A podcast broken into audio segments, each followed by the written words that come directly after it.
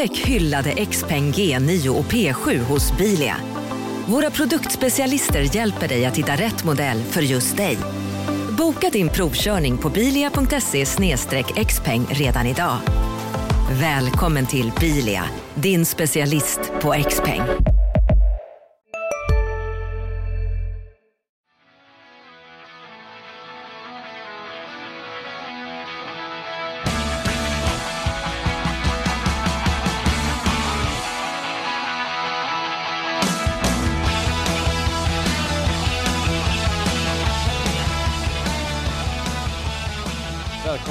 Till eh, Sportklubben. Jag heter Jakob Sjölin och eh, idag har jag med mig en eh, gäst som jag tycker tillför något av det eh, intressantaste och mest insiktsfulla på SSKs eh, Twitterforum. Eh, säger välkommen till Viktor Jansson. Hur är läget? Eh, tack så mycket. Det är bra. Kul att vara med. Vi sitter och jobbar på distans idag, sådana här eh, pandemitider. Utöver jobbet så driver du eh, sajten ssksiffror.se som jag vill nog påstå är bland de mest detaljerade supportersajterna eh, när det kommer till statistik i Hockeysverige. Ni som lyssnar på det här kan ju surfa in där om ni själva vill förkovra er i data och kolla hur just er favoritspelare sköter sig den här säsongen. Så sskiffror.se gör vi lite reklam för. Hur eh, kom det sig från början att du eh, startade det här projektet? Det var ju, eh, jag började ramla på den här typen av statistik från NHL från början. Där det har funnits, ja det har funnits i Sverige nu också länge, men i NHL var de ju ännu tidigare. Så det är därifrån jag har fått inspirationen. Sen så, eftersom jag har följt SSK länge så vart jag liksom sugen på att eh, få lite mer inblick än det klassiska ögontestet som man säger. Så då började jag lite smått logga vissa saker och sen så vart det mer och mer och mer. Och sen, eh, jag jobbar som utvecklare så att det varit ganska naturligt att bygga en, en sajt för att liksom visualisera det lite bättre. Mm. Vi kommer ta upp lite olika saker här när det kommer till Hockeysvenskan och SSK, men jag tänker att vi börjar där vi står. Eh, det är tisdags eftermiddag när vi spelar in det här och eh, lite beroende på postproduktion så kan SSK ha spelat borta mot Tingsryd eh, när podden släpps nu efter eh, nyår så har SK spelat fem matcher och man har fått med sig 10 av 15 poäng. Ganska bra resultat eh, med tanke på att man har haft corona i truppen och eh, spelet inte har kanske varit det bästa på säsongen. Hur ser du på hur SSK har kommit igång efter jul? Det har ju inte sprakat direkt kan man väl inte säga. Eh, jag tyckte väl faktiskt att de två första matcherna där kanske var lite bättre än vad, vad både laget själva och eh, vad opinionerna tyckt. Men det såg inte jättebra ut, men de var i alla fall helt okej okay, tycker jag i de matcherna. Eh, sen nu med start i Västervik, då, Väsby och Almtuna så har det inte sett riktigt lika kul ut. Nej, framförallt de senaste tre så har det Precis. varit eh, tungrot. Framförallt, alltså Västervik är ju, en, är ju en smäll och de är bättre på alla möjliga sätt i den matchen, men men även Väsby kändes som att de åkte ifrån SSK i fredags och det är ju inte ett lag som normalt sett ska göra det. Det var för mig lite bekymmersamt eh, att mm. se att man hela tiden nästan var eh, halv sekund sen in i situationerna, liksom hamnade på efterkälken hela matchen. Ja, jag håller med. Sen så skapade SSK lite mer mot Väsby än mot Västervik. Västervik är ju väldigt tajta eh, defensivt. Där fick vi knappt en målchans mer kändes det som. Mot Väsby skapade vi faktiskt ganska mycket chanser, men ändå så hade ju Väsby klart farligare och klart fler mm. chanser. Mer öppen matchbild mot Väsby ja, som exakt. inte är lika skickligt defensivt. Västervik har ju på något sätt hittat jag var inne i en eh, Twitter-diskussion med några supportrar om det, huruvida det var ett uh, boogie team inför matchen. Mm. Eh, men då handlade perspektivet lite om ett par säsonger och jag tyckte att eh, eh, lagen har varit så pass jämna att det kanske inte man kan kalla det som ett spöklag i ett längre perspektiv. Men den här säsongen så är det nästan så att det är ett av de, en av de svårare matcherna som finns för SSK inför ett kval. För att det är inte bara det att Västervik har tagit 9 av 12 poäng utan Eh, framförallt sättet som de stör SSK i uppspelsfasen. Karolina har hittat något sätt att eh, forechecka effektivt mot Södertälje. Som Verkligen. Bekymmersamt. Verkligen. Jag tycker Västervik har varit faktiskt klart bättre i alla fyra matcher som vi har mött dem. Vad tror du att eh, laget är på väg nu då? Eh, lite av en vägskällsvecka det här, mm. kan jag känna, med mm. både, två toppmöten och eh, Tingsryd borta. Precis.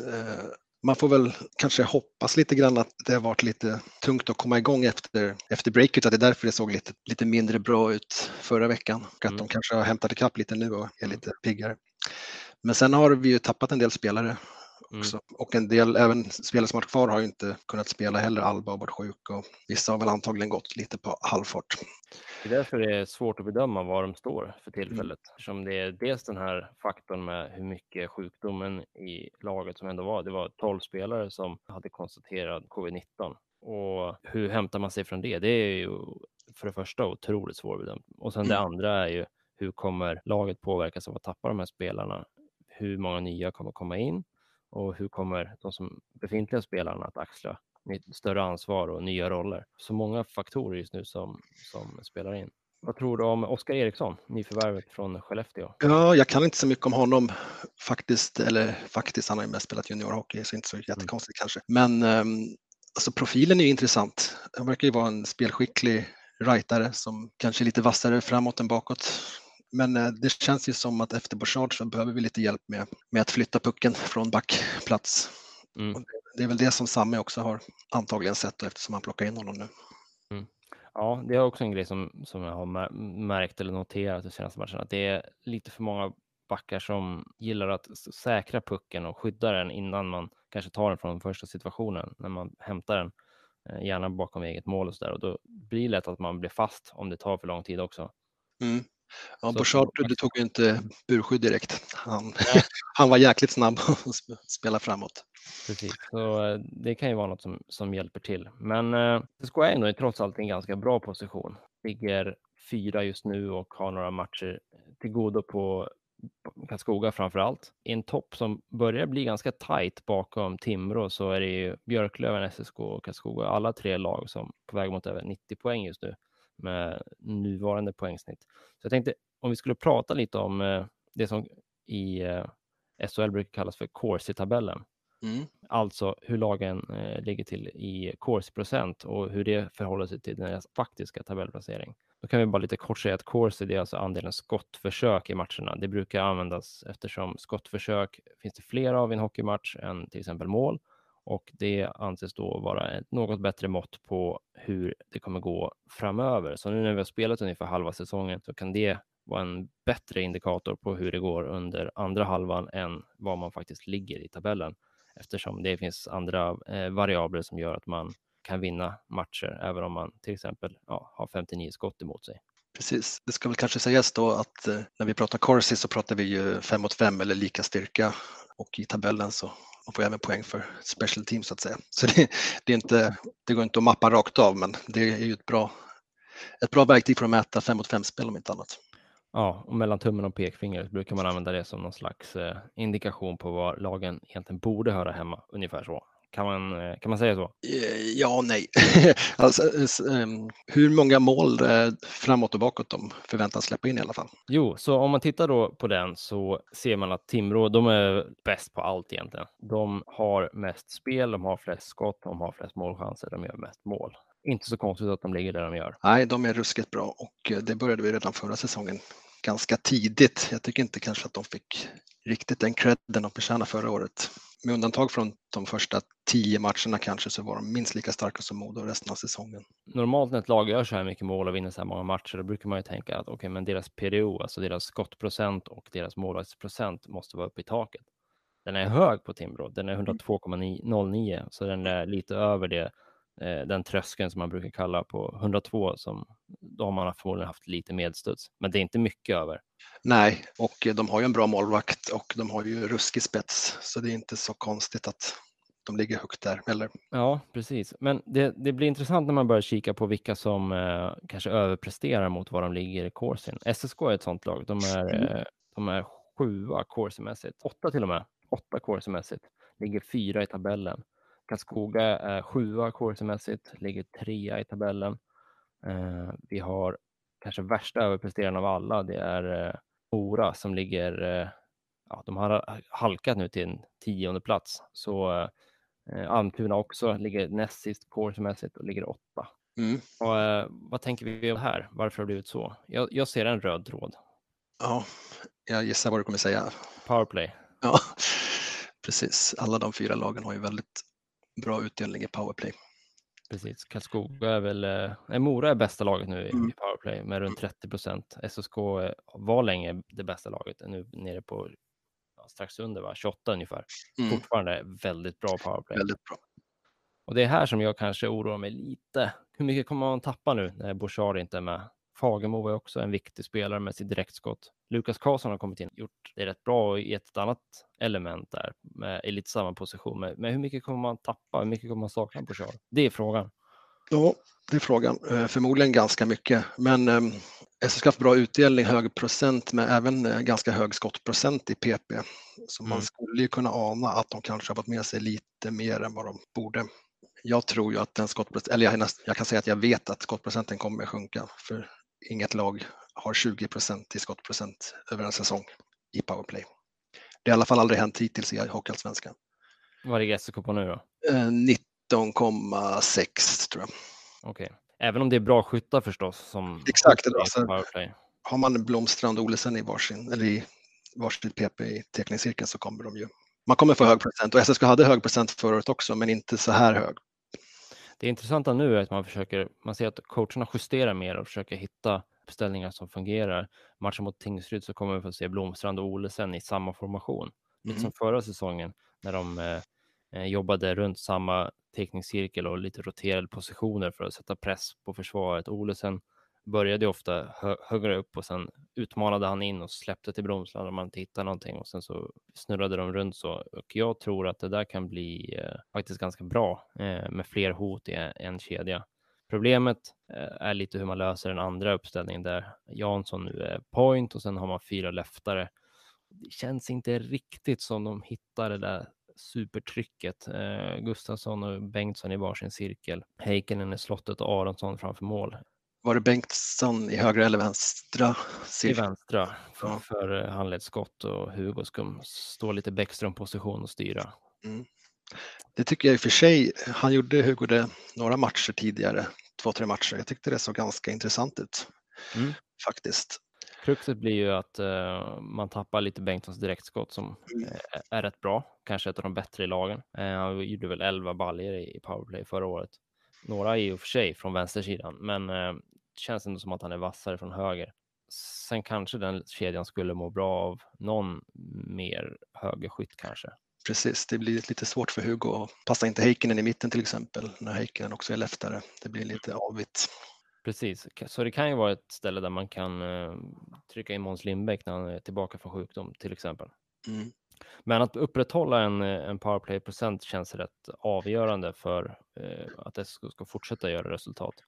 Jag tror ju att SSK kommer fortsätta med tanke på hur det har sett ut eh, förra säsongen redan när vi hade ganska bra powerplay, eller väldigt bra powerplay. Mm. Eh, Jag tror att vi kommer fortsätta ha en hög procent, men eh, vi får nog räkna med att det inte kommer vara lika bra utdelning som hittills. Mm. Jag tror inte att Almtuna och Mora kommer fortsätta flyga som de gör däremot. Jag tror det är lite seriens Ikaros som är på och flyger på vaxvingar nu. Ja, ja. Jag säger inte emot, speciellt Almtuna kanske. Eh, de har väldigt svaga siffror i 5 mot 5 och powerplayet känns väl, alltså när man ser dem så jag tycker de ser ganska kreativa och fyndiga ut, men eh, eh, de, har ju, de skjuter inte speciellt mycket i powerplay, de ligger i botten av ligan faktiskt, eller åtminstone på nedre halvan när det gäller skott på mål i PP och har en väldigt hög skottprocent också. Så att, ja, Jag tyckte deras powerplay mot SSK var otroligt fantasilöst. Det var knappt som de kom in i zon många gånger och eh, var egentligen aldrig riktigt farlig tyckte jag eh, i lördags. Men eh, det är ju en match bara såklart. Ja, precis. Det, jag Ehm. tycker jag, tidigare faktiskt på säsongen har de sett ganska ja, okej ut i alla fall. Men, men de har ju inte någon riktig spets heller i Almtuna. Så att jag tror de får det tungt framöver också.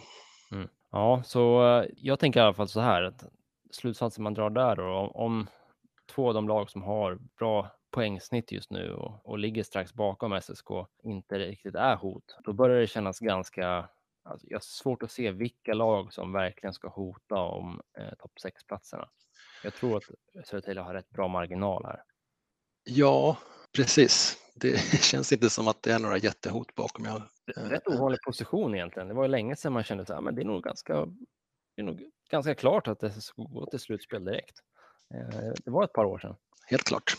Man börjar närma sig den, eh, den slutsatsen tycker jag i alla fall. Ja, jag tror inte AIK eller Modo kommer orka upp hela vägen dit. Något av I dem. Modo, herregud, de gör väl ingenting rätt den här säsongen. Nej, det går inte bra för dem.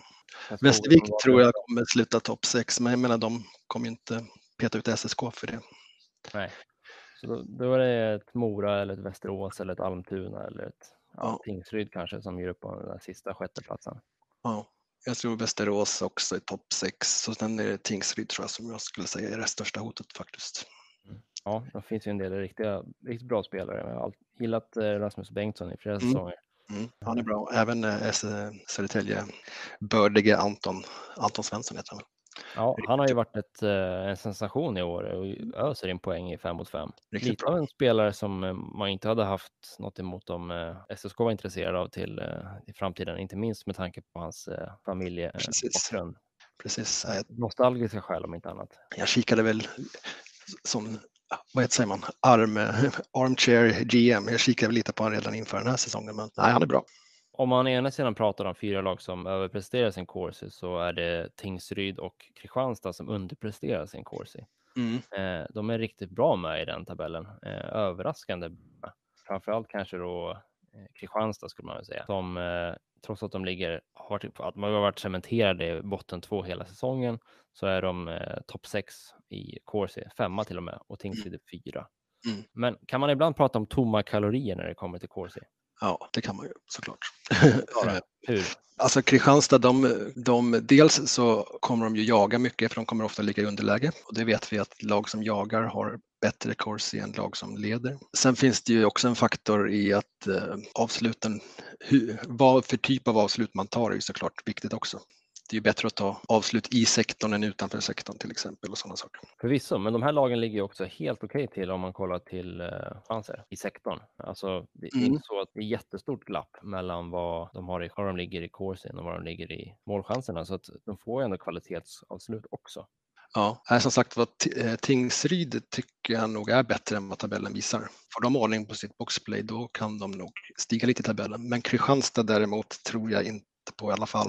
Eh, dels har de ju lite problem på målvakts, eller de har lite konstig målvaktssituation där de har seriens bästa målvakt och seriens sämsta målvakt som delar lite på sysslan där. Kalle Klang är ju en av Sveriges största målvaktstalanger och Pettersson som är den andra målvakten har väl inte, han gjorde det bra förra säsongen i Björklöven i och för sig men året innan det var han riktigt svag också så att frågan är hur bra han är egentligen. Men han är betydligt sämre än Kalle Klang i år i alla fall. Det kan ju vara så att han har stått när boxplay verkligen har havererat och Klang har stått i matcher när Han har väl till exempel stått i 9-1 matcher mot SSK, det kan väl vara en. Ja, det lär han få lida för ett par månader. Precis. Så det är klart att det kan ju spela in lite. Men Klang är ju riktigt duktig. Men Kristianstad, är, de har inte, de har ju lite för trubbig trupp också. Det, finns ju ingen spets riktigt att prata om offensivt. Nej, så det är ingen som är bra som tar avsluten helt enkelt. Nej. Ett lag som jag tycker rent ögontestmässigt har lite tomma kalorier i sin corsi, det är faktiskt Västervik. Mm. Eh, När de får sina omställningar så är de vassa. När de får spela puck på yta och utmana backar som måste åka baklänges, då är de riktigt bra. När de kommer in i zon och får med uppställt anfallsspel så tycker jag att det är ganska idéfattigt. Det blir mycket att Västervik spelar på back, skickar in för styrning och retur och sen tar de det därifrån och sen upp på back igen och så vidare. Det, blir, det är bra för corsi-siffrorna men inte så bra för målchanser kanske. Nej, men eh, samtidigt har du tillräcklig kvantitet så kommer du till slut få målchanser i alla Det är fall. det, det är det de gör, för de tar bort mycket skott från motståndarna. Lite som någon som lutar sig mot en dörr till slut så eh, viker den sig. Ja, det är lite som ehm, mitt lag i NHL är ju Los Angeles Kings. Eh, de går inte så bra just nu, men i början på 2010-talet var de ju NHLs bästa lag och de spelade ett liknande system. Ledde Corsi-siffrorna år efter år efter år, men, men det var väldigt mycket avslut och inte så stort fokus på kvalitet. Men eh, kvantiteten vägde över till slut. Du har ju hållit på med den här sajten i några år. Nu när vi har spelat halva säsongen, vad, vad tycker du man kan säga om SSKs utveckling från förra säsongen in i den här? Eh, Jag tycker vi är, eller vi säger, ja vi säger väl, jag tycker vi är bättre än förra säsongen. Men inte kanske jättemycket bättre. Men helt klart tycker jag väl att vi har ett bättre lag än förra året. Vad beror det på då? Eh, framförallt eh, att vi har bättre bredd i truppen. Det var väl lite det som Samuelsson ville göra i somras, att liksom bygga underifrån så att säga. Vi hade ju redan spetsen i Olesen och Blomstrand. Jämför man fjärde kedjan så är det stor skillnad mot förra säsongen. Ja, och även tredje kedjan också. Absolut. Ja, inte, kanske inte just nu då, men hur det har varit tidigare. Ja, men precis. Imorgon blir det lite speciellt mot Tingsryd när eh, Matt Bailey får vara pappa i en kedja med två juniorer i Lukas Ekholm och Albert Sjögren. Sjöberg, förlåt. Sjöberg som han såg spännande ut på träningen idag igen. Jag tycker han gör tekniska nummer som är vassa hela tiden. Eh, Alltså, ja, det var ju en ljusglimt i senaste matchen, helt klart. Men det Ja, låter som att den kedjan kan få lite tufft ändå. Ja, vi får se hur mycket de får spela och i Mm. vilka situationer. Det kanske blir eh, att man matchar dem i eh, snälla lägen eh, och så vidare. Men det finns ju förmodligen hockey där och man kommer nog behöva rulla på fyra för att orka också. Mm. Så att man kan inte gå allt för kort. Emil Alba är ju på gång tillbaka, men inte riktigt där än. Han blir ganska viktig att få tillbaka tror jag. Det ger ju betydligt bättre bredd för hela truppen. Ja. Man kan laborera runt lite grann. Och eh, det skulle bli som på backsidan då, att de här juniorerna som visar framfötterna kommer in och tillför konkurrens och liksom, snarare än att bara fylla i lediga luckor. Eh, Så skulle det skapa, om någon av dem är tillräckligt bra för att få spela så skulle det skapa en konkurrenssituation som just nu inte riktigt finns där på forwardsidan. Mm. Men eh, vi kan ta honom när vi, när vi ändå är inne på det. Emil Alba har eh, tills eh, spel, missat, det blir 13 matcher imorgon som han missar. Men eh, Mm. han har varit ganska nyttig när han väl har spelat. För mig var det lite oklart vad han skulle ha för roll när han kom Mm. eh, från Västervik. Vad tycker du om Absolut. hans säsong så här långt? Jättebra, tycker jag. Men jag håller med dig, inför säsongen var man kanske lite tveksam. Han själv verkade ju prata om en ganska stor offensiv roll, men när man såg på försäsongen så var det direkt fjärde kedjan och sådär. Men han har kommit in i det. Hade väl kanske lite trevande start, men, eh, men har ju varit riktigt bra tycker jag. Och eh, framförallt gjort väldigt mycket poäng på den istiden han har. Mm. Både, både 5 mot 5 och i powerplay. Framförallt 5 mot 5. Han är väl eh, till och med eh, bäst i laget om man tittar på poäng per 60 minuter va? Eh, om man tittar på primary points som vi säger, det är alltså mål och första assist, så är han bäst i laget. Annars är det Olesen tror jag som är. Inte så mycket som skilde ändå va? På Nej. Rena poäng per 60 minuter. Nej. Nej. Att, eh, han har ju producerat. Det är lite lustigt dock att han inte har en enda andra assist. Nej, precis. Han måste bli bättre på att prata med linjemännen. Ja, det är väl det som är stora. Han har ju också väldigt bra mål, eh, målskillnad i 5 mot 5. Den är ju förmodligen lite för bra, men eh, ändå väldigt bra. 9-2 tror jag, eller något sånt där har han. Det är synd att han har fått en så hackig säsong med två långa sjukdomsavbrott och sådär. Jag kan tycka att den värvningen li, lite symboliserar alltså vad man försökt göra i, i somras. En spelare som kan spela i fjärde om det är så att det behövs, eller han kan spela i första kedjan och powerplay, eller ge en tredje kedja någon slags djup i, i, i målskyttet.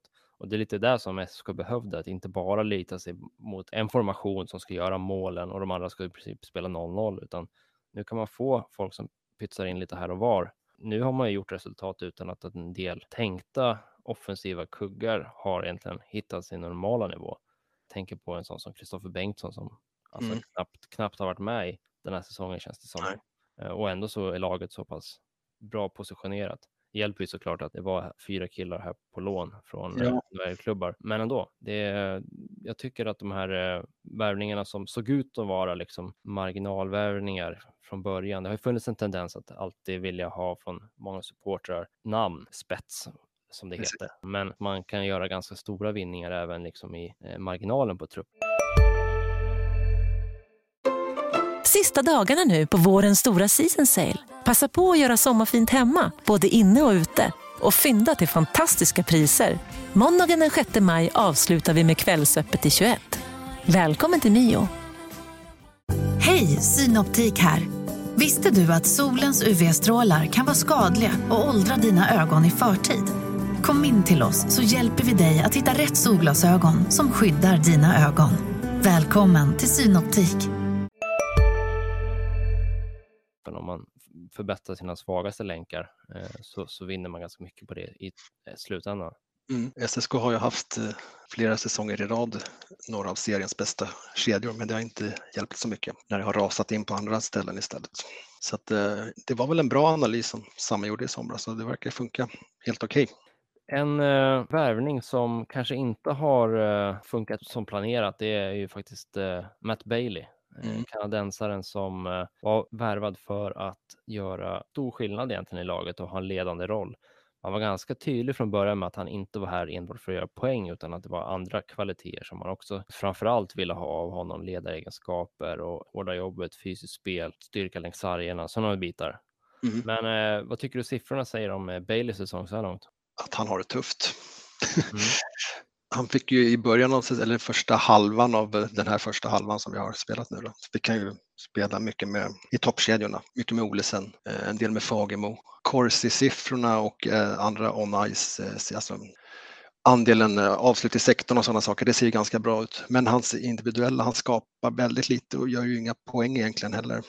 Mm. Det som bekymrar mig med honom det är egentligen att han inte tar sig till skott. Eh, det är en sak om han hade haft en massa assist i, i fem mot fem, men det har han inte heller. Han skjuter ett skott per match. För en spelare som när han var i Mora var en målskytt, åtminstone i allsvenskan när de gick upp eh, ett par år sedan. Det får man ju tänka sig. Eh, han var ju förmodligen mer explosiv och pratade när jag intervjuade honom i somras om att han har haft en del skador de senaste säsongerna. Sånt kan ju ta ut sin rätt på just sådana saker. Nu har han också sagt att han har någon form av problem som har hämmat honom under hösten. Så det kan ju vara så att vi inte riktigt känner till vad det är som stör och vad det är som gör att han inte kommer upp i kapacitet. Men det är tydligt att han inte är det vi trodde att han skulle kunna vara. Han kan ju komma dit såklart, eh, men just nu så, så händer det för lite. Alltså han skjuter ett skott per match.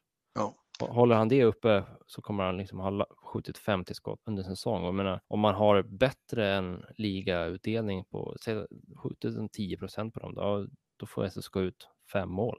Mm. Det var inte vad man värvade. Nej, och som du säger, det inga, passar inte fram till några skott heller utan han, skapar överhuvudtaget väldigt lite. Eh, sen, eh, det har väl blivit lite bättre men har, i början var det ju väldigt mycket utvisningar också emot. Det har väl hållit i sig till viss del även om det har blivit lite bättre. Men han tar ju överlägset flest utvisningar, eller alltså utvisningar som leder till boxplay i laget. Ja, det känns som den, det normaliserar sig väl ändå lite. Det, han byggde upp en, en rätt stabil ledning där i, i början på säsongen. Eh, vet inte vad det berodde på, men eh, det var ju många spelare som hade svårt med nya haknings och slashingregler och sådär. Eh, Bailey kanske mer, mer än någon annan. Kan ju också vara en del frustrationer där, men mm. det är i alla mm. fall tydligt att något av, att han har tappat, tappat form eller ja. tappat omgivning kanske snarare. Andra december så fick han flytta på sig från toppkedjorna. Sen dess har han inte spelat med Nick Olesen då främst och eh, då störtdök hans corsi-siffror. Sen dess har han 37,9 procent i corsi i alltså avsluten på, på isen. Det är näst sämst i laget under den perioden. Precis. Han har, eh, alltså, bara för att jämföra, liksom, när han spelade med Nick så hade han 53,9 i corsi procent. Då förde SSK matcherna när han inte var på isen med Olsen så 45,6 så där visar man någonstans vad omgivningen betyder ändå. Ja, och det är väl även om det har varit klart från början, eller de har varit tydliga ledningen med att han de förväntar sig inte en massa poäng, men de har ju ändå tänkt att han ska leda en kedja som center. Det verkar kanske inte som att han klarar av det, utan han behöver väl snarare vara komplement till andra ledande spelare. Mm, precis. Eh, eventuellt så är det här en Lindsey Sparks situation, alltså med andra ord att han, eh, han, kan, han kanske inte ska spela center. Eh, och jag var inne på det i en eh, krönika lite smått här för några dagar sedan, att ska SSK låna eller värva en forward också, vilket jag tycker att de behöver göra för att bredda truppen inför våren, då är det en center som vore bra att ha, för då kan man också flytta ut Bailey på en kant. Mm. Och det är möjligt att man kan få igång honom mer där ute. Eh, att han kan komma lite närmare mål i positionen, att han kan ligga lite högre upp, får checka lite mer, inte behöva balansera det defensiva ansvaret på samma sätt. Men ja, det är bara hypotetiskt. De har ju testat det lite, men det har inte heller riktigt klickat så här långt. Det verkar väl som att istiden minskar och minskar nu också. Så är det och det är lite av en uh, ond cirkel. Hur spelar man sig eller i form eller förtjänar mer istid när man inte får spela lika mycket? Svårt, men han kan å andra sidan inte klaga på att han inte fått chanser för att han har Nej. spelat mycket under säsongens första halva. Ja, han hade nästan mest istid av alla forwards i början. Mm. Du, ett En spelare vars skott är odiskutabelt högklassigt, men som jag börjar fundera lite på om det är något man bör liksom lägga märke till, det är faktiskt uh, Ludvig Blomstrand. Jag vet inte om du har tänkt på det, men uh, förra säsongen så var han ju den som spelade, jag tror bakom Jonathan Dahlén som sköt mest i serien. Mm, eh, möjligtvis Olsen också kanske. Han, han sköt mest i SSK i alla fall, 179 skott på 49 matcher. Nu har han eh, tappat nästan ett skott per match. Han har gått från 3,6 till 2,6 per match. Är det där något som man behöver eh, hålla ögonen på?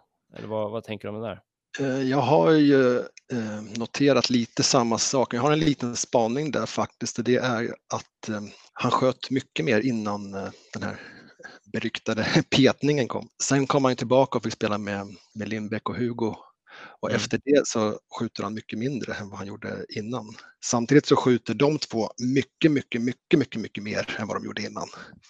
Så jag mm. vet inte om det är något taktiskt som de har pratat om eller mm. om det bara har blivit så. Men det känns som att han mera har berett plats åt de två. Mm. I den omgivningen. Mm. Och det har ju faktiskt funkat rätt bra för att den kedjan varit SSKs bästa under hösten. Plus åtta, de uh, har uh, 25 poäng tillsammans, 10 mål på 15 matcher. Blomstrand och Gustafsson är 1 och 2 i relativ corsi efter jul. 1 och 2 i poängligan i 5 mot 5 sedan dess. Ja, okay. ja. Och även i poäng per 60 då, som man ser det till speltid. Är det rätt att bryta upp det nu då? Jag tycker väl inte det. Jag tycker de borde ha haft lite mer tålamod. Men tror du att det är att man har tålamod, behövde ha mer tålamod med själva lagspelet eller var, varför tror du att man uh, gör så här? Jag tänker mig att man ser att det funkar inte för laget i stort att man behöver få igång. Ja. Jo, så är det såklart. Kanske Olesen mer och så där. Precis, så är det såklart. Men samtidigt har ju, jag vet inte vilken man ska kalla för första kedjan, om det är Hugo eller Hugo kedja eller Lukas kedja. Men om vi säger Lukas med eh, Bengtsson och eh, Olesen har ju också skapat en hel del men kanske inte fått utdelning. Så att jag tror att vi hade två ganska bra kedjor på gång där faktiskt. Mm. Sen beror det på vad man gör av, av, av Bengtsson sen. Jag tror faktiskt att uh, han tillsammans med uh, Gustafsson och Lindbäck skulle kunna fungera också. Uh, ja. Om man ger det lite tid. Eh, men nu hade man ju något man visste var, var bra. I, ja, de har varit så väldigt, väldigt bra. Både de underliggande siffrorna och de faktiska siffrorna har ju varit det måste ju vara en av seriens bästa kedjor när de har varit ihop. Ja, jag vet inte. Eh, det finns många bra kedjor, men ja. Eh, absolut, absolut bra. 10 mål framåt på 15 matcher. Det är riktigt vasst. Blomstrand, Karlsson och Olesen däremot, där finns det ju, det är ju väldigt litet de har spelat tillsammans, men det finns lite att bevisa tycker jag. Fyra matcher ihop har de startat och sen har de eh, gått minus fyra på dem faktiskt. Det kan ju vara att de har haft eh, lite oflyt i de matcherna, men det är ju också lite så här, eh, inte vad man vill ha ut av en ledande kedja, så att de behöver plocka upp det. Det var ju synd att vi inte fick se så mycket av dem mot Almtuna med Blomstrands matchstraff där i andra bytet. Nej, det vart ett byte väl, ett och ett halvt. Mm. Ja, precis. Så att, eh, men Blomstrand och Olsson har ju funkat förut. Det är bara att hoppas att laget inte blir för topptungt. Nej, precis. Risken är väl att vi hamnar där vi har varit förut. Då. Att vi har en kedja som pumpar in poäng. Men eh, jag tycker väl ändå att det finns kapacitet bakom där också. Men eh, jag hade gärna sett att man istället hade särat på Olsson och Blomstrand för att försöka bredda produktionen lite grann. En som kan hjälpa till att få fart på produktionen är väl kanske Anton Heikkinen. Han gjorde 15 mål förra säsongen i eh, Kristianstad. Nu har han eh, fem mål på 18 skott här och haft en liten eh, stökig säsong med hjärnskakning och sen sjukdom. Hur, eh, hur ser du på honom? Ja, det är som du säger, det har varit en väldigt hattig säsong känns det som för honom. Och han har inte riktigt hittat någon omgivning som passar och varit lite ut och in i powerplay, har inte haft någon jätte självklar roll där. Mm. Han har haft det lite, lite motigt. Men eh, samtidigt så kollar man mål mål per 60 spelade minuter så låg han väldigt bra till både i 5 mot 5 och totalt innan det här avbrottet för honom. Då. Men det är fascinerande hur eh, effektiv han kan vara. Ja. Han, har fem mål på 18 skott på mål. Mm. Han är ju väldigt bra såklart. Men han har ju, om man kollar hans karriär så har han ju en hög skottprocent tidigare säsonger också, förra året i Kristianstad och även i J20 i HB också. Så att han är väl en sån som tar sig till farliga ytor. Och... Dels det, men sen har han han, han, kanske inte skjuter så mycket långt utifrån heller, de här lågprocentiga skotten, men när han väl kommer in också så är han väldigt bra på att pricka hörnen. Mm. Ja, han, har, han är ju en målvakt, det är inget snack. Skott. Man skulle bara vilja att han tar sig till avslut lite oftare. Ja, det känns okay. som att det är liksom koden att knäcka för honom. Han ligger runt som Bailey, runt eller strax under en, ett skott per match. Mm. Och det är ju verkligen en spelare man skulle vilja få upp i, i alla fall två. Ja, när han har ett så bra skott som han har också så är det klart att man vill att han använder det oftare. Det är frågan hur man kan bygga en kedja som, som ger honom mer utrymme. Mm. De började ju i början av säsongen så blir han ju mycket med Bengtsson. Det såg väl okej okay ut, men det var, ja, jag vet inte hur man ska få in honom i laget riktigt faktiskt. Vad tror du om att spela honom med Gustafsson och Lindbäck då, om de inte ska ha kvar Blomstrand där? Mm, det har de väl också provat lite grann. Jag vet, inte, jag vet inte exakt hur det gick då, men det är väl ett alternativ. Men eh, Blomstrand är ju kanske lite starkare på pucken och driver spelet framåt lite mer än vad Heikkinen gör. Mm.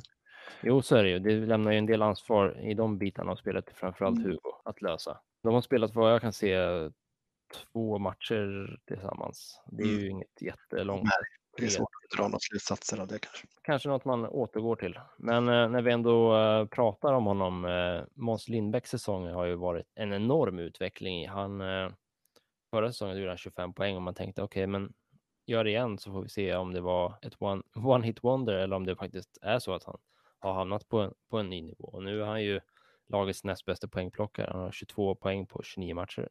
Är du förvånad att uh, han har gjort en till sån kanonsäsong? Precis, jag är inte förvånad att han, att han är en bra hockeyallsvensk spelare. Det är jag inte förvånad över. Men att uh, han har gjort så mycket poäng som han har gjort, det är klart. Uh, framförallt är det ju powerplay han har vräkt in poäng. Och mm. han spelade ju mycket powerplay förra året också, men han hade väl två poäng tror jag på hela säsongen ja. i eller något sånt där. Precis. Så det är klart, det är ju en jätteutveckling och har ju verkligen hittat en bra roll där i PP också. Ja, absolut. Och lite friare roll. Förra året stod han ju mycket och täckte skott framför mål. Det var det han gjorde. Eh, jagade styrningar och, och returer och så där. Nu får han ju jobba lite ut vid förlängda mållinjen som understöd och vända och vrida lite och lite mera fria tyglar. Det verkar eh, passa honom ganska bra. Bra mm. känsla för vad han ska vara på, på retur och liknande. Frågan är om han är på riktigt som offensiv poängspelare. Eh, det beror lite på vad man menar. Jag tror absolut att han kommer kunna göra poäng i Hockeyallsvenskan, men det finns en hel del SHL-surr runt honom också. Och eh, alltid när det nämns att SHL-klubbar är intresserade så är det poängen som man refererar till. Jag tror mm. kanske inte att ett SHL-lag ska värva honom och förvänta sig att han går in och gör så här mycket mål i SHL. Nej. Om man inte ger han en jättestor roll i PP. Då. Däremot så är han ju en av ligans bästa boxplayspelare kanske. Ja, tillsammans med och Ja, precis. Och där finns det ju ett värde även eh, ett nivå högre upp tror jag. Exakt, alltså det, han kan säkert göra nytta på SHL-nivå, men man måste liksom veta lite vad man värvar tror jag. Mm. Om man värvar honom för att han gör massa poäng nu, då kanske man är lite fel ute. Det jag menar med som är han på riktigt som poängspelare, nu är han ju på ett snitt som är, han är på väg mot 40 pinnar över säsongen. Ja, eh, nej, det, är, är det på riktigt? Nej. Jag tror inte heller det på något sätt. Alltså, han har gjort nio av de där poängen. Två hattrick och tre assist i tre matcher mot Kristianstad. Mm. Det är rätt stor andel och fem mot fem så är det ju inte heller eh, supermånga poäng. Eh, jag tror att han har 10 på 28 där, så det är som du säger, det powerplay bär det här. Det är som att han får lite retroaktiv betalning mot, eh, mot studsen förra året. Ja, så kan det kanske vara lite grann. Men eh, skottprocenten är ju väldigt hög och speciellt om man ser det till hans karriär mm. tidigare. Han har ändå ganska många säsonger i Hockeyallsvenskan. Visserligen med kanske en helt annan roll än vad han har nu, men eh, det är ju dubbla procenten mot vad han har haft karriärmässigt så att säga. Ja, men precis. Han har, innan den här säsongen så låg han på 10-23 och nu ligger han på 23, procent den här säsongen. Det är ju ett eh, stort hack i kurvan uppåt kan man ju ja. säga. Ja, det finns ju uh. ingen spelare nästan i ligan som skjuter så bra. Samtidigt känns det ju som att hans skott har blivit eh, både hårdare och mer precis och att han tror på det mera. Men på sättet som han har satt pucken i krysset ett par matcher när han liksom med självklarhet bara liksom bestämmer sig för var han ska placera in den. Det, det har han inte riktigt haft i registret eller inte, åtminstone inte vågat plocka fram det tidigare. Nej, han har sett riktigt vass ut i vissa lägen och han har ju ett bra skott. Det visste jag lite grann. Men sen eh, har han ju plockat fram det extra mycket den här säsongen. Det var, SSK har haft eh, måltorka på straffar hela säsongen, men sen klev han fram och bara smällde in den. Liksom. Det var inget snack. Ja. Men eh, nej, någon 40-poängsspelare tror jag inte han är varken den här säsongen eller nästa säsong. Däremot en, en bra hockeyallsvensk spelare som gör kanske 25-30 kanske. Mm. Ja, det blir väldigt intressant att se om eh, SSK lyckas behålla honom till eh, nästa år. Det är ju lite av en hjärta och själspelare som eh, det på något sätt vore man skulle unna honom att eh, gå vidare i karriären, men samtidigt skulle det kännas lite tråkigt mm. med tanke på att man har följt hans eh, hockeykarriär sedan juniorlaget. Ja, precis. Han börjar bli en ur-SSK-are fast han inte är från stan. Ja, om eh, vi kikar på något som du adderade på din sajt som avslutning, en fråga som kommer vara aktuell här under ja, egentligen hela vårsäsongen framåt eventuellt slutspel då. Eh, du adderade målvaktsstatistik. Det blir kul att följa. Ja, precis. Vem eh. tycker du ska stå? Eh, som det ser ut nu så är det väl Bergvik såklart. Han har ju sett jättebra ut. Mm. Är det han som du ändå tror kommer vara etta när vi kommer till slutspel? Ja, det tror jag.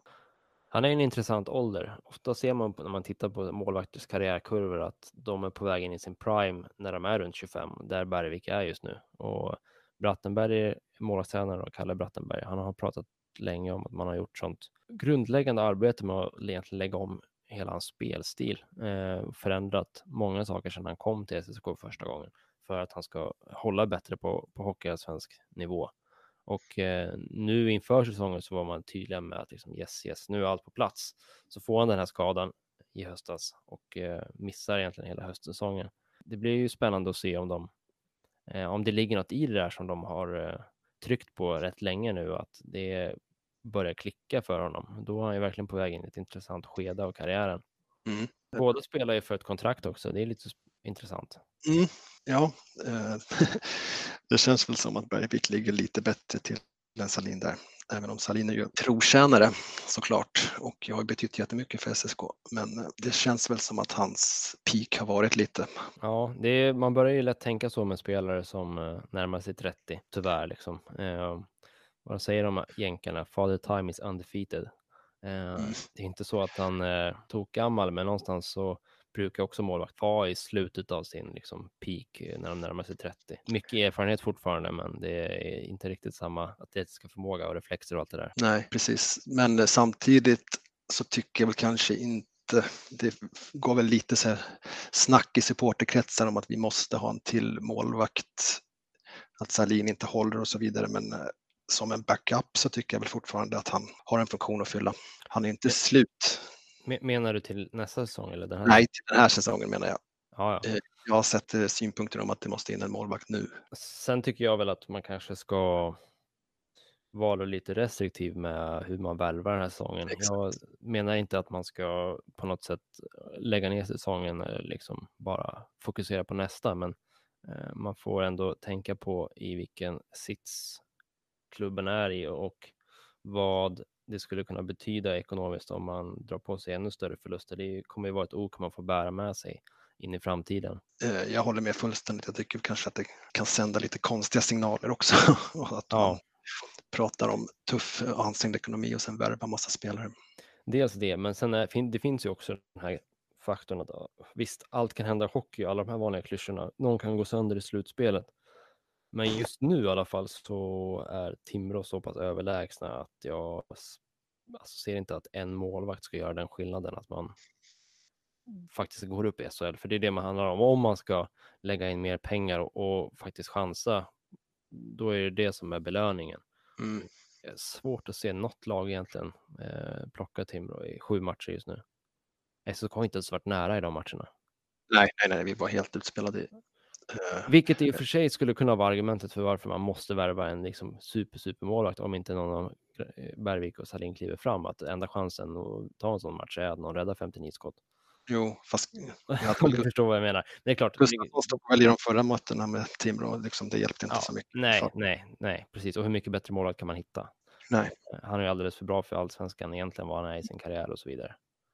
Precis. Nej, någon toksatsning för att kanske gå upp till SHL, det tycker jag verkligen inte. Det tror jag inte kommer hända heller. jag, tror, jag tycker både Samme och, och Robban har pratat om att man liksom man ska vara redo när man går ja, upp och inte bara precis, chansa. Precis.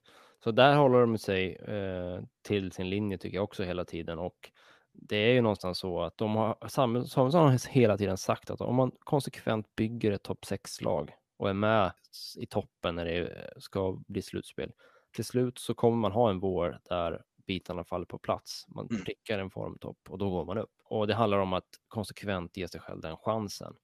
För man vet inte vilket år man får några juniorer som utvecklas och plötsligt blir tredje eller andra kedjespelare som gör att man får en mycket bredare hierarki och spetsigare lag. Man vet inte när man får en målvakt som börjar liksom gå på vatten helt plötsligt. Det gäller att liksom hela tiden vara i position för att det ska kunna spela roll om det händer och att man då helt enkelt bara liksom spelar oddsen och till slut så har man dem på sin sida och så är man där uppe. Jag, jag tror att det är mycket mer hälsosam strategi än att typ som AIK försöka värva ihop ett Real. Eh, AIK mm. varannat år och varannat år så är de i botten för att de inte har några pengar kvar och så där. Det känns inte som en sund klubbkultur och, och arbeta på det sättet. Ja, jag håller med fullständigt. Men sen så spelar man i Hockeyallsvenskan så är det, det är inte så lätt att bygga. liksom, titta på Modo i, i våras tyckte nog att de hade byggt långsiktigt med en bra mm. satsning och sen så tappar de allt i alla fall. Så att, eh, Grejen är att de hade ju gjort det och de hade satt sig i position för att vara med och göra upp om det. Men de mm. fick bara inte chansen. Men någonstans så är det som att det, det, är lite, lite som hur det funkar i NHL, att det går i cykler. Att när du pikar så måste du lyckas. Senast SSK hade ett lag som, med unga som var bra, så då tog ju slut i kvalserien, blev fullständigt soppatorsk där eh, 2013. Mm. mm.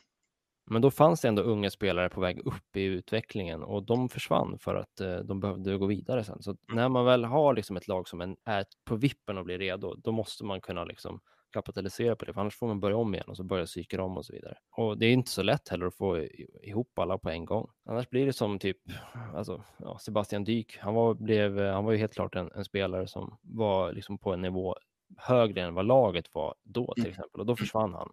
Mm. Medan, alltså det, om man får fler som, som når den toppen samtidigt, då har man ju plötsligt ett SHL-mässigt lag. Precis. Klurigt. Ja, men eh, det där kommer man ju få kämpa med så länge man är här nere som sagt. Eh, det är svårt att göra något åt näringskedjan som eh, gamla klubbchefen i Assyriska Eidenhower brukar kalla den. Mm. Right. Ja, men du har barn att hämta på dagis. Jag ska ja. stjäla mer av din tid här. Det var otroligt roligt att du kom med här och pratade lite om trenderna, om var SSK står nu och så får vi kanske kika och se vart, vart det tar vägen om ett par eh, veckor eller någon månad inför slutspel möjligtvis. Mm. Mm. Ja, det blir spännande att se framöver. Ja. Det var kul att snacka lite. Ja, tusen tack för att du var med här och eh, tack för att ni har lyssnat. Jag uppmanar er igen, gå in om ni varit med hela vägen hit så är ni uppenbarligen intresserade av eh, att, att tänka kring SSK och hockey på ett lite mer nördigt sätt. Så då gå in och kolla på ssk-siffror.se. Ni kommer hitta mycket kul där. Det finns grafer och ni kan kolla på enskilda matcher och allt möjligt. Massa filter. Eh, superkul. Så gå in där eh, och annars så syns vi på lt.se, Hockeypulsappen och finns också på Twitter om ni har saker som ni vill höra i podden eller ja, bara allmänt diskutera. Går också, kom också ihåg att eh, prenumerera på oss på Spotify, Acast, iTunes, allt det där. Tusen tack och på återhörande. Hej. Hej.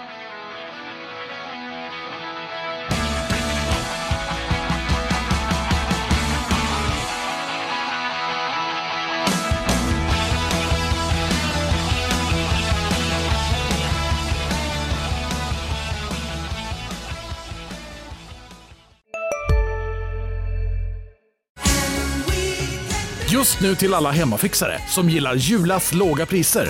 Ett borr och bitset i 70 delar för snurriga 249 kronor.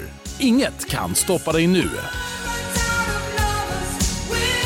Välkommen till Unionen. Hej! Eh, jo, jag ska ha lönesamtal och undrar om potten. Ja, om jag kan räkna med övertidsersättning för det är så stressigt på kontoret jag jobbar hemma på kvällarna så kan jag då be om större skärm från chefen för annars kanske jag säger upp mig själv. Och hur lång uppsägningstid har jag då? Okej, eh, vi börjar med lön. Jobbigt på jobbet. Som medlem i Unionen kan du alltid prata med våra rådgivare.